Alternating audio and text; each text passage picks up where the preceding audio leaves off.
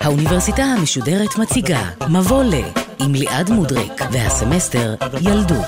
והפעם שיחה עם הדוקטור עידית גוטמן מהחוג לפסיכולוגיה באוניברסיטת תל אביב על פסיכולוגיה התפתחותית. עורכת ראשית מאיה גאייר. שלום לכם, אתם על מבוא לילדות באוניברסיטה המשודרת, ואם תחשבו על זה, אחד הדברים המופלאים ביותר שקורים לכולנו הוא האתגר ההתפתחותי. איך הופכים תוך שנים ספורות מיצור חסר ישע שישן, בוכה ואוכל פחות או יותר, לאדם קטן שמסוגל לפעול במרחב, לדבר, ליצור ולשנות את הסביבה. התהליך המדהים הזה עומד במרכז התוכנית שלנו היום, שמוקדשת לפסיכולוגיה ההתפתחותית של הילד, ואיתנו דוקטור עידית גוטמן מאוניברסיטת תל אביב, שלום לך. שלום. אז קודם כל נגדיר את uh, תחום השיח שלנו היום. פסיכולוגיה התפתחותית, ענף uh, שהוא חלק מפסיכולוגיה בכלל, אבל מתמקד באמת באותם שינויים שחלים בבני אדם מהלידה ואפילו אולי מההפריה, תלוי איפה תרצי להתחיל לספור. ועד המוות. בדיוק ככה. בעצם השאלה היא המאמץ לזהות איזה שינויים הם חשובים, למה לשים לב, בעיקר כאמצעי להבין למה הם קורים, למצוא בהם סדר, חוקיות, משמעות, שאולי ייתנו לנו תובנות לא רק על ה... ההתפתחות כשלעצמה, אלא על התוצר המוגמר, מתי הוא משתבש, למה הוא משתבש, איך, מה משפיע עליו, מה משנה אותו, מה מעצב אותנו בתור בני אדם. זאת אומרת, גם כדי להבין נניח את המנגנונים של שפה, אם נלמד על הדרך שבה שפה מתפתחת ונרכשת אצל ילדים, נוכל לא רק להבין את ההתפתחות שלה, אלא גם את הדבר עצמו. להבין את הדבר עצמו ברמה עמוקה, בעצם אה, כמו שפוקו הראה, שהגניאולוגיה של הידע, כלומר לנסות לחזור אחורה ולראות מאיפה הכל התחיל, נותן לנו הרבה מאוד אינפורמציה, כי הדברים לא הגיעו אה, מתנה משמיים, יום אחד נחתו בחצר האחורית, אלא הם נוצרו בהדרגה, וההדרגה הזו מלמדת אותנו משהו גם על אה, אולי הסדר של האבולוציה בכללותה, אולי על הטבע של הדברים, באמת הידע. השפה, המתמטיקה, הביולוגיה, איך הם הגיעו לעולם בכלל. ואנחנו יודעות לשים את האצבע על נקודת ההתחלה של התחום הזה? זאת אומרת, מתי נולדה הפסיכולוגיה ההתפתחותית? נוטים לתת את הקרדיט לסטנלי הול, שחקר את גיל ההתבגרות והיה אחד מהמייסדים של אה, הפסיכולוגיה, בוודאי בארצות הברית. הוא מיסד אותה, אחד מתלמידיו של וונט, וקיבל הרבה קרדיט אה, סביב אה, יצירת ג'ורנלים, כתיבת ספרות. כן, אם אני לא טועה, באותה תקופה הוא 90 או 80 אחוז מתלמידי הדוקטורט בפסיכולוגיה היו פשוט שלו. הוא באמת ייסד את התחום. ממש, מילולית. כלומר, הפסיכולוגיה היא ענף צעיר יחסית, כולם יודעים מה זו פסיכולוגיה, אבל בעצם הפסיכולוגיה היא הרבה יותר עדכנית מהמתמטיקה בוודאי, או הפיזיקה, או מדעים אה, אחרים שה... שה... הבסיס שלהם הוא באמת מ- מלפני אה, שנים רבות. אבל הוא לא הראשון שהתעסק בפסיכולוגיה התפתחותית, לא הרבה יודעים, אבל אפילו צ'ארלס דרווין היה עורך תצפיות על הילדים שלו בבית, ממש מתעד לפרטי פרטים את ההתפתחות שלהם. והרבה מהחוקרים הגדולים של הפסיכולוגיה ההתפתחותית בעצם לקחו ממנו את ההשראה ואת הכיוון וניסו, פיאז'ה למשל, גם הוא לא היה פסיכולוג, אחד התיאורטיקנים הגדולים של הפסיכולוגיה ההתפתחותית, אבל הוא היה ביולוג והוא היה דרוויניסט, והוא ניסה בעצם להכיל את עקרונות האבולוציה על uh, התפתחות החשיבה, הקוגניציה של הילד, או פרויד. פרויד uh, מאמץ את רעיונו של דרווין, גם הוא רופא, uh, נוירולוג, מומחה במערכת העצבים המרכזית, והוא מנסה שוב למצוא את החוקיות הדרוויניסטית הזו של אבולוציה הדרגתית בהתפתחות הנפש של הילד. וזה מקום טוב לומר למאזיננו שבשבוע הבא אנחנו נשוחח כאן רק על עניין הפסיכואנליזה והמקום המיוחד של ילדות בתוך הגישה הפסיכואנליטית. אבל בואי נחזור לפסיכולוגיה התפתחותית. אפשר ממש לחלק את התפתחות הילד לתקופות. זה נהוג, זה נהוג בעיקר לצורכי מחקר. השאלה איזה גיל נחשב גיל מכריע, איזה תקופה נחשבת אבן בוחן.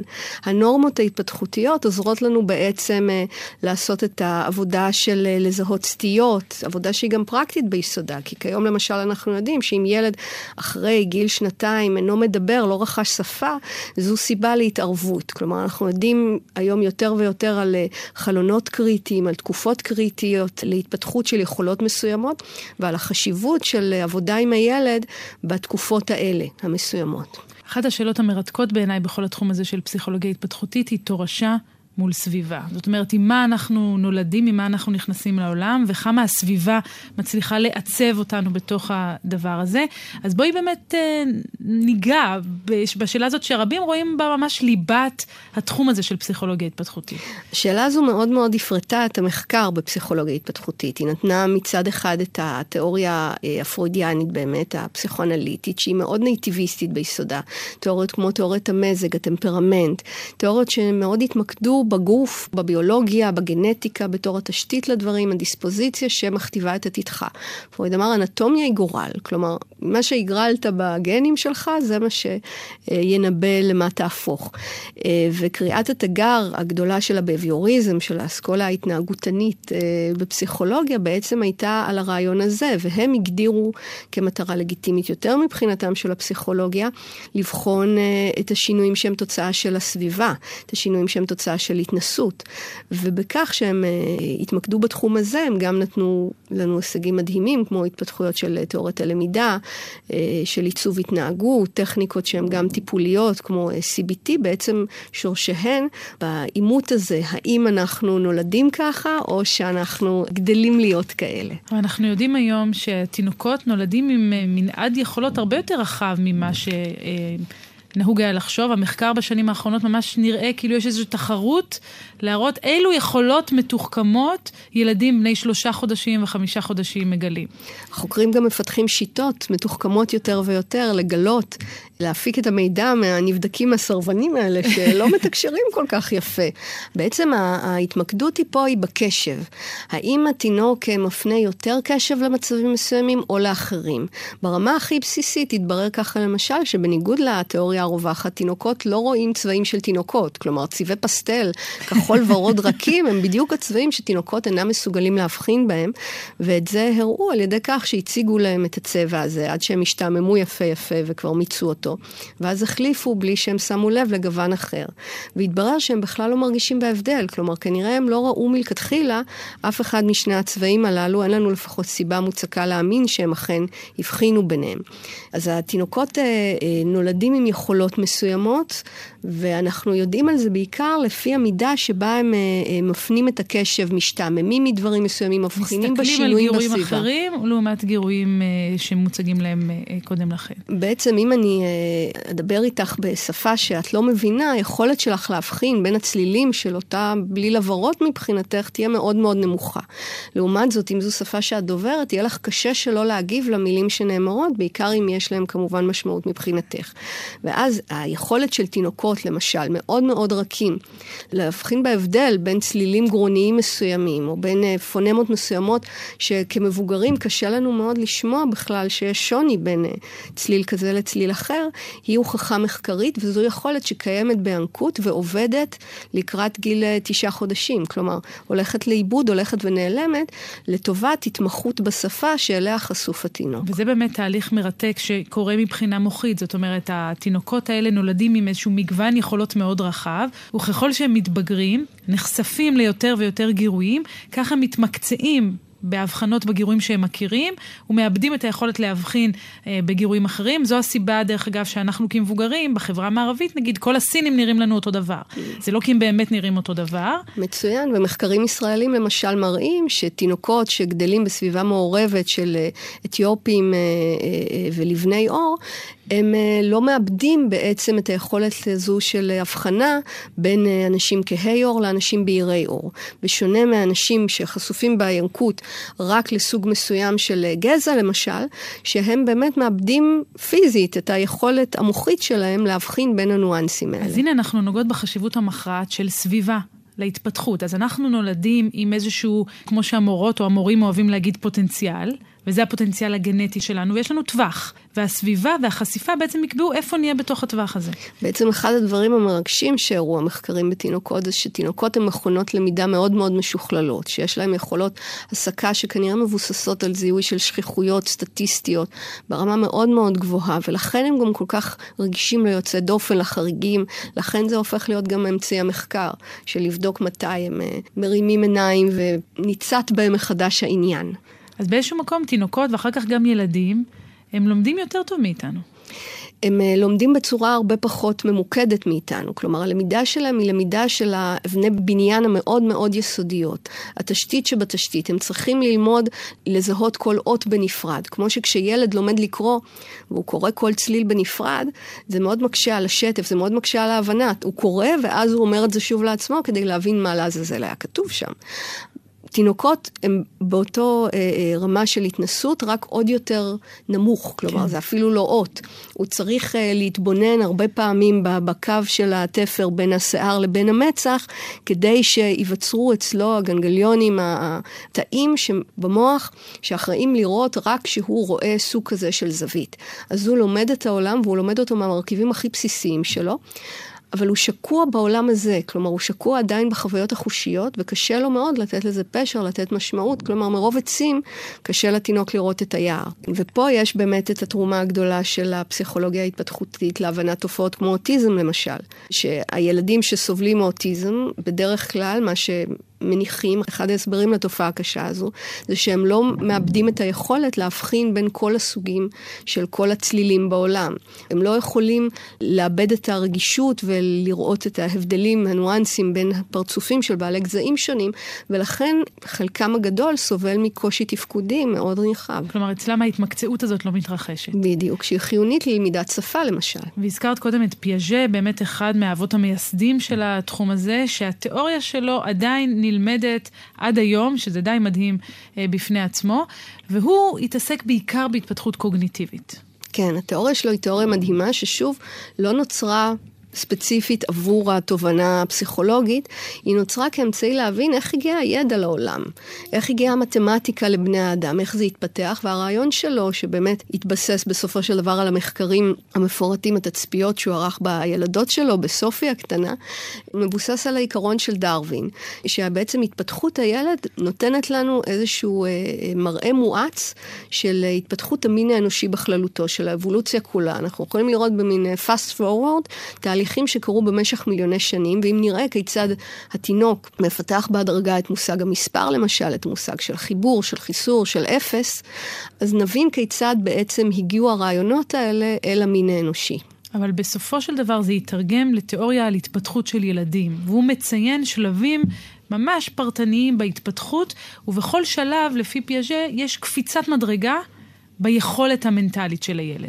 כן, בדיוק ככה. הוא מציין אבני דרך שנבנות בהדרגה, לא מופיעות יש מאין, הן נבנות בתהליכים הדרגתיים של הטמעה והתאמה, אבל בסופו של דבר הם מצטברים לאיזושהי מסה קריטית שעוזרת לילד לפתח תיאוריה חדשה. פיאז'ט צדק בצורה כנראה מאוד מאוד דרמטית בתובנה שלו שתינוקות אכן מנסים ללמוד, הם אכן מכונות למידה, מדענים קטנים, ו... התפיסה שלה הייתה שהם כל הזמן בונים תיאוריות, שהם כל הזמן מנסים להבין את עולמם.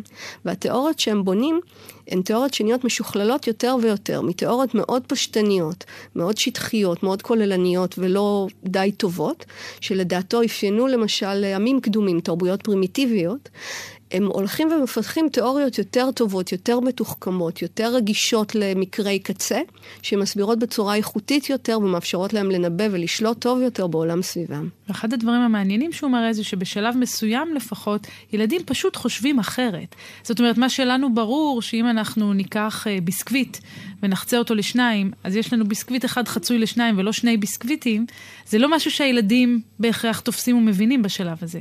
בעצם הילדים עדיין לא uh, גיבשו את התיאוריות שלנו, שאנחנו גיבשנו, ואחרי שהתרגלנו אליהן, הן נהיו לנו מובנות מאליהן. אנחנו כבר לא רואים אותן, כמו שדג לא מבין שהוא בתוך מים, אנחנו לא מבינים שאנחנו חיים בתוך תיאוריה. אם אני יושבת עכשיו מולך והרגליים שלך מוסתרות, אני מניחה עדיין שהן שם. אני לא אומרת, טוב, הן לא שם, כנראה את פלג גוף עליון שמרחף פה באוויר.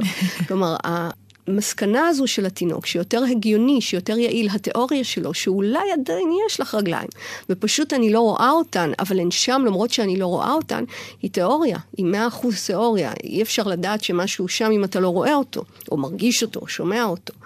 אבל התינוקות שלא יצרו את התיאוריה הזו יכולים מאוד להיבהל כשאימא יוצאת מהחדר, כי היא נעלמה וחבל הם אהבו אותה. הם יכולים מאוד להתרגש כשמבוגר עושה להם קוקו ומסתיר את הפנים, כי הפנים שלו נעלמות, מבחינתם זה מופע קסמים מאוד בזול. בגיל יותר מאוחר, מה שנראה מבחינה חיצונית, כלומר מראית העין, הופכת להיות התיאוריה המרכזית. הם לא יכולים לעשות את ההבחנה בין מה שהם רואים לבין מה שישנו, וכך אם משהו משנה צורה הוא פתאום דבר חדש, הוא דבר אחר. בעצם זה על פניו נראה מאוד הגיוני. אם אני לוקחת אה, כוס של מיץ פטל ומכניסה אותה לפריזר, ואחר כך פותחת את הפריזר ויוצא משם אה, אה, קרטיב, אז יכול להיות, וזה מה שתיאוריות אה, שחברות פרימיטיביות יותר אולי ניחו, שזה איזשהו קסם, איזשהו כישוף. מישהו איכשהו שינה והפך את הנוזל הזה לקרח, משהו שנראה אחרת לגמרי ו- ומרגיש אחרת לגמרי. התובנה שלנו, שאנחנו מעדיפים את ההיגיון על פני החושים שלנו, על פני מראית העין, היא אה, אה, תובנה שמאפשרת לנו לעבור שלב התפתחותית, לא סתם שיש, זה הגיל שבו נכנסים לבית ספר, בגלל שפיאז'ה הראה שמרבית הילדים עד גיל 6 לא מבינים שמשהו שנראה אחרת הוא בעצם אותו דבר. הילדים בגנון שנחרדים כשאימא מתחפשת, גם אם היא מתחפשת מול עיניהם, נחרדים בגלל שהם אהבו אותה והיא הפכה להיות מישהי אחרת. הם לא, הם לא מבינים את היכולת להפוך בראש, כדי להעדיף את ההיגיון של אוקיי, אבל זו עדיין אימא, כי ראיתי מול עיניי זה קרה, שהיא לא שינתה משהו מהותי פרט לצורה. ואת כבר מדברת על uh, ההשתמעויות הרגשיות של התיאוריה של פיאז'ה, שהוא לא התעסק ברגש, אבל העניין של התפתחות רגשית הוא גם מוטיב מרכזי בפסיכולוגיה התפתחותית. ואולי אחת התיאוריות הבולטות ביותר היא תיאוריית ההתקשרות של בולבי. כן, תיאוריית ההתקשרות של בולבי היא דוגמה טובה לפתרון של הקונפליקט הישן, האם זו תורשה או סביבה. כי בולבי מתחיל את המסע שלו כפסיכואנליטיקאי, כתלמידו של פרויד, והוא מכיר את הרעיונות הבביוריסטיים על השפעת הסביבה. והוא מגיע למסקנה, לתיאור, מפתח תיאוריה שמשלבת בין השניים, שבעצם אומר, יש לנו מוכנות גנטית ללמידה, ללמידה מסוג מאוד מסוים, ללמידה של מה זו אהבה, של מה זה קשר, של מה זה להיות במערכת יחסים אינטימית ומשמעותית. ובולבי מציע שהשיעור הזה שמלמדים אותנו הורינו בראשית החיים, הוא שיעור שאחר כך ילווה אותנו לכל חיינו, כי אנחנו מבינים מה זה להיות נאהב ומה זה להיות קרוב לאנשים אחרים, מהפעם הראשונה העמוקה הזו שבה חווינו את זה בקשר הראשוני שלנו עם הדמות המטפלת העיקרית. כך ששפת האם מבחינת בולבי היא לא פחות משהיא השפת דיבור, היא השפה של מה זה אומר להיות קרוב, להיות נאהב, להיות אינטימי.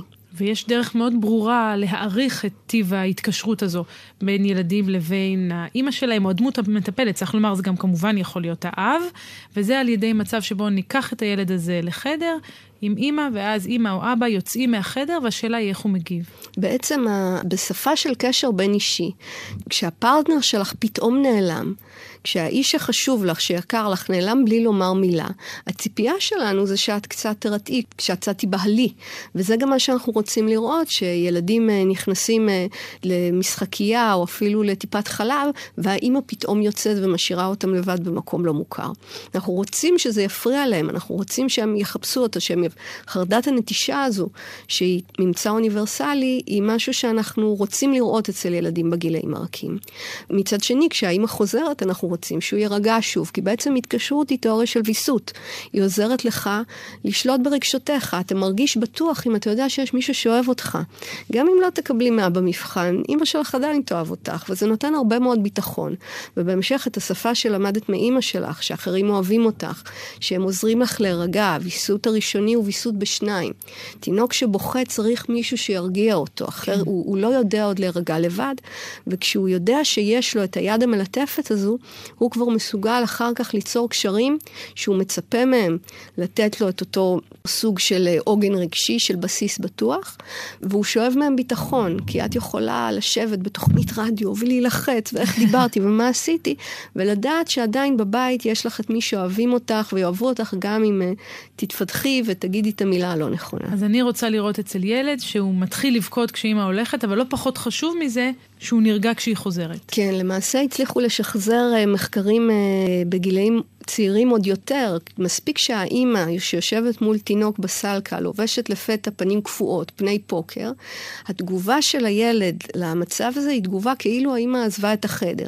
והיכולת שלו... צריך לומר, היא מפסיקה להגיב, היא קפואה לגמרי, לא משנה מה הילד עושה, האימא קפואה לגמרי, ואני שום מרגישה צורך לומר, רק בהערת אגב, באמת ברוב הניסויים האלה משתמשים באימהות אה, ולא באבות, אבל אין כאן הנחה, לפחות מבחינת שתינו, אני מניחה, אה, שאבות לא יקבלו אותה תגובה כמו שאימהות, אה, בהנחה שמדובר באבא שנמצא בבית ויש קשר חזק בינו לבין הילד. זה אפילו לא חייב להיות אב, זה לא צריך להיות מישהו עם קרבה ביולוגית. דמות מטפלת ראשונית. זה יכול להיות דמות ראשונית. מטפלת עיקרית בוודאי, ומשוודיה הולכות ומצטברות הראיות לכך שאם אבות נשארים בבית לטפל בילדים ולוקחים את התפקיד הדומיננטי, כל הנתונים שצוינו תקפים גם לגביהם. אבל זה באמת מדהים כשחושבים מה קורה לילד בשנות החיים הראשונות שלו. אמרנו קודם, הוא לומד לדבר, הוא לומד לזוז וללכת, הוא לומד גם אה, מה המקום שלו מול ילדים אחרים. דיברנו, הוא לומד לווסת את עצמו ולהבין מה זאת אהבה ומה זאת משפחה ומה הם מערכות יחסים.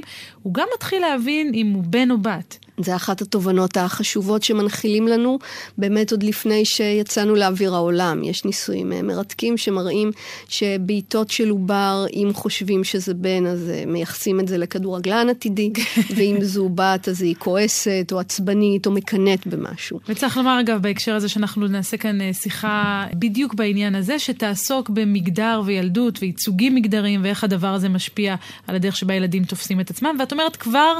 עוד בעוברות אנחנו רואים את הסטריאוטיפים האלה נכנסים לפעולה. חד משמעית. ניסויי uh, תינוק X המפורסמים, הלבש תינוק בבגד בצבע כחול, ואנשים ייגשו עליו, ירימו אותו, יניפו אותו באוויר ויגידו אתה כדורגלן. הלבש אותו בבגד גוף ורוד, את אותו תינוק בדיוק, ויערסלו אותו, יחבקו אותו, יגידו לו כמה הוא עדין ויפה. כלומר, השאלה של תורשה מול סביבה ביחס להתפתחות המגדרית, היא שאלה מאוד מאוד רלוונטית, כי כנראה שלא פחות משיש הבדלים בקרומוזומים, יש הבדלים בסביבה, ובמה היא מלמדת אותנו שראוי שבנים ובנות יעשו. אבל סביב גיל הגן באמת בנים ובנות מבינים שהם בנים ובנות, זה לא בהכרח אומר שהם מבינים שהם יגדלו להיות מבוגרים, אבא או אימא או גבר ואישה. הם מבינים הרבה לפני זה. אחת המילים השכיחות ביותר שילד שומע, יותר כנראה מאת השם שלו, זה את המגדר שלו, את התווית המגדרית שלו. ילד יפה, ילדה יפה, זו התגובה שתינוקות מקבלים, זו אחת המילים המוקדמות בלקסיקון של פעוטות. התובנה של ילדים לגבי מה זה אומר, איזה תפקידים באים עם זה, עד כמה זה קבוע, עד כמה זה הפיך, היא הבנה שנבנית בהדרגה, ושוב, היא רוויה גם בתפיסות החברתיות, של מה באמת ראוי שכל מגדר יעשה, גם ביכולת הקוגניטיבית שלו, כמו שציינו, כי אם ילד לא מבין שקרטיב הופך ל... יכול להינמס ולהפוך בחזרה למיץ, גם קשה לו להבין שאם גבר יגדל שיער ארוך, הוא לא יהפוך להיות אישה, כי הרי זה נראה כמו אישה, והמראית עין היא שקובעת. שזה מחזיר אותנו בחזרה לפיאז'ה. אז דיברנו על התפתחות קוגניטיבית ועל התפתחות רגשית וגם על התפתחות מגדרית, כמובן הכל על קצה המזלג, אי אפשר להכניס פסיכולוגיה התפתחותית רק ב-25 דקות, אבל אני רוצה גם שננסה לחשוב יחד על התפתחות זהות, כי תיאורטיקן חשוב מאוד, נוסף בפסיכולוגיה התפתחותית הוא כמובן אריקסון, שזה מרכז הליבה של התיאוריה שלו. כן, אריקסון בעצם לוקח את הרעיונות המאוד קשים לעיכול של פרויד ומתרגם אותם בדרכו הייחודית למשהו שהוא הרבה יותר קרוב לחוויה היומיומית של כל מי שטיפל בילדים. אריקסון עושה את זה בין היתר על ידי כך שהוא מכניס את הסביבה ומכניס אותה בעוצמה רבה. הוא בעצם מתמקד בהתפתחות של האגו, החלק שמתקשר עם הסביבה, החלק שמושפע מהסביבה. ובמילה וחצי, התיאוריה של אריקסון גורסת שהתפקידים שהחברה מצפה מאיתנו למלא, הם בעצם מגדלים את הזהות שלנו. אנחנו גדלים לתוך התפקיד. כל מי שהפך להיות הורה מרגיש את זה ש, שבהתחלה אתה שואל את עצמך, אני הבייביסיטר, מתי יבוא מישהו שיקח אותו? שמישהו קורא, הוא שואל, מי זאת האימא הזאת? ואת לא מבינה שמדברים עלייך. בדיוק. התחושה הזו שאוקיי, אבל אני עוד לא באמת יודעת איך לגדל אותו. זה שהוא שלי, זה לא אומר שאני שולטת בטכניקות המתבקשות, או שאני יכולה לקבל את האחריות הגדולה הזו. כן. התפקיד, אתה גדל לתוכו. אתה לומד לפתח בתוכך תכונות אישיות מסוימות שקשורות לזה. ולא פחות משאנחנו בבגרות עושים את זה, ילדים על אחת כמה וכמה, כשהם עומדים לפני למשל גיל בית ספר, אנחנו יכולים להגיד, ככה מתנהג ילד בית ספר? מה יהיה השנה הבאה כשתהיה בבית ספר? כלומר, האמירות החברתיות ביחס לתפקיד מחייבות את הפרט למצוא בתוכו את התעצומות של הנפש, לגדל בתוכו, לחזק בתוכו מרכיבים של הזהות, שיעלו בקנה אחד עם התפקיד שהוא נדרש למלא. עכשיו, החברה לא עושה את זה באופן שרירותי חלילה, אלא שוב מתוך התאמה למצב ההתפתחותי, ליכולות. אף אחד לא מצפה מילד קטן לגלם תפקיד של הורה. אבל בהחלט, כשהוא מגיע לגיל חמש, טכנית אנחנו יודעים שהוא מסוגל יותר להתאפק, יותר להבליג, יותר לשלוט ברגשותיו. ואנחנו דיברנו באמת על ההשפעה החברתית על התפתחות הזהות של הילד, אבל אצל אריקסון גם זה מאוד מאוד מובנה. יש שמונה שלבים ברורים בהתפתחות של האדם, לא רק הילד, שוב מהלידה ועד המוות. אריקסון בעצם, אה, כמו שפיאז'ה עשה לפניו, מזהה שמונה צמתים שהם בעיניו תפקידי מפתח שהוא תופס כאוניברסליים, שוב כמו פיאז'ה, וזה חלק מהגדולה של תיאוריות שהן צריכות לקבוע מה חשוב, למה לשים לב, מה נחשב. אריקסון מדבר למשל על גיל הפריון בתור uh, שלב שבו בכל התרבויות אנחנו מצפים uh, להקים משפחה, להתחיל לגדל ילדים עם כל מה שנלווה לזה. הוא מדבר על סביבות גיל 6 בתור הגיל שבו מתחילה הכניסה לשוק העבודה, גם בתרבות שלנו ששוק העבודה מחייב לדעת קרוא וכתוב, אבל גם בתרבויות אחרות ששוק העבודה מחייב דברים אחרים והילד הופך לשוליה בגיל הזה. ואולי שלב קריטי אצל אריקסון, הוא אמנם לא ממש חלק מהמנדט שלנו כאן בסמסטר הזה שעוסק במבוא לילדות, כי זה הקצה או המעבר, הוא גיל ההתבגרות, שבו באמת האדם, הילד המתבגר או האדם הצעיר, המבוגר הצעיר, צריך למצוא את הזהות שלו, והוא בחיפוש, הוא ממש מחפש. כן, בעצם היכולת uh, לשמור על מרכיבים מהילדות, ויחד עם זאת uh, להתאים אותם אל העתיד, ולתת מקום גם לתפקידים עתידיים בתור איזשהו uh, uh, מגדלור שמושך אותך אליו, איזשהו מגנט שמושך אותך קדימה, זה אתגר גדול מבחינת אריקסון של, uh, של התפתחות האדם. לצלוח את המעבר הזה בשלום, לגלות מי אתה כשאתה מפסיק להיות ילד, שאתה לא מי שאבא ואימא בחרו לו את השם, ושאתה לא הבן של שהולך אה, לחוג כי אימא שלי רשמה אותי עליו, אלא שאתה מתחיל להיות מישהו שהוא בוחר עבור עצמו, שהוא מגלה מי הוא, זה הגיל אה, לפתח העדפות אה, מוזיקליות ו- ולפתח טעמים משלך ולבחון את הזהות שלך בכל מיני דרכים, וגם להיפרד מהזהות של הילד הקטן שאומרים לו ומחליטים עליו, לטובת זהות בוגרת עצמאית, אבל זה מאבק, זה לא משהו שלפי אריקסון אתה מבשיל פשוט לתוכו, אלא זה אקט שאתה צריך, אה, מסע שאתה צריך לעבור. את אומרת אה, אריקסון, ואני אומרת בוא נתנתק אולי רגע רק מהתיאוריה שלו וננסה אולי לאמץ נקודת מבט יותר כללית של פסיכולוגיה התפתחותית. אמרת להיפרד מהילד. אז יש קץ לילדות? זאת אומרת, פסיכולוגיה התפתחותית שמה שם קו גבול ואומרת, מכאן הוא כבר לא ילד? אחד הדיונים העדכניים בפסיכולוגיה ההתפתחותית זה בעצם אה, סביב התופעה של התארכות גיל ההתבגרות. גיל ההתבגרות מתחיל מוקדם יותר ויותר ונגמר מאוחר יותר ויותר. ומה זה אומר להיות אדם מבוגר? אם זה אומר למשל עצמאות כלכלית, לבחור לעצמי על מה אני מוציא את כספי, אז אפשר להגיד שמרבית הסטודנטים שלי אינם אה, בוגרים לפי הקריטריון הזה. עדיין ילדים. כלומר, מצד שני, את גם רואה ילדים מאוד מאוד צעירים ששולטים בטכנולוגיה וחשופים למידע, ומתנהגים גם בצורות שנתפסות כמאוד בוגרות וכאולי אפילו לא מתאימות בוגרות לגילם, מדי. בוגרות בדיוק. מדי. אז יש איזה תהליך מעניין של התארכות והתמשכות הקצוות, ולנו יש מה לעשות נגדו, או שלא צריך? קשה לעשות uh, משהו נגד השינויים התרבותיים. Uh, ניל פוסטמן uh, הציע שבעצם התופעה של הילדות כולה הייתה איזשהו שלב ביניים בהיסטוריה של המין האנושי, ושמרגע שמהפכת המדיה האלקטרונית הנגישה את הידע והפכה כל מכשיר סלולרי למשהו שיכול להעביר לך אינפורמציה, היכולת שלנו להגביל ילדים, להדיר אותם, להפריד אותם כמעמד נפרד, שונה מהמבוגרים, ששומרים עליו יותר, או שמגנים עליו מפני אינפורמציה. אינפורמציה מסוימת בעצם הלכה לאיבוד. אז אין ילדים יותר. כרגע עוד יש, אבל אנחנו uh, בהחלט רואים שינויים בתפיסה של הילדות, במהי הילדות. גם המאמצים המחקריים המאוד מאוד דרמטיים להראות כמה ילדים בעצם כבר שולטים בסטטיסטיקה כשהם תינוקות בעריסה, הם גם חלק מאיזושהי מגמה שמטשטשת קצת את, אה, את תקופת הילדות כייחודית, כתמימה, כחסרת דעת. זה מעניין, כי התחלנו את התוכנית בחלוקה ברורה בין גילאים שונים, וסיימנו אותה בטענה שאולי אולי עוד מעט כבר לא תהיה חלוקה כזו, ובכלל מבוא לילדות הוא משהו שיהיה לא לגיטימי או לא מקובל בעוד אי אלו שנים. גם ההתפתחות של הפסיכולוגיה ההתפתחותית היא משהו שעוזר לנו להבין הרבה דברים על עצמנו, על התקופה, על העידן שבו אנחנו חיים. דוקטור עידית גוטמן, תודה רבה לך על השיחה הזו, ואנחנו ניפגש כאן גם בשבוע הבא לשיחה על פסיכואנליזה וילדות, ועל המקום המיוחד שיש לילדות בתיאוריה הפסיכואנליטית. תודה רבה. תודה לך.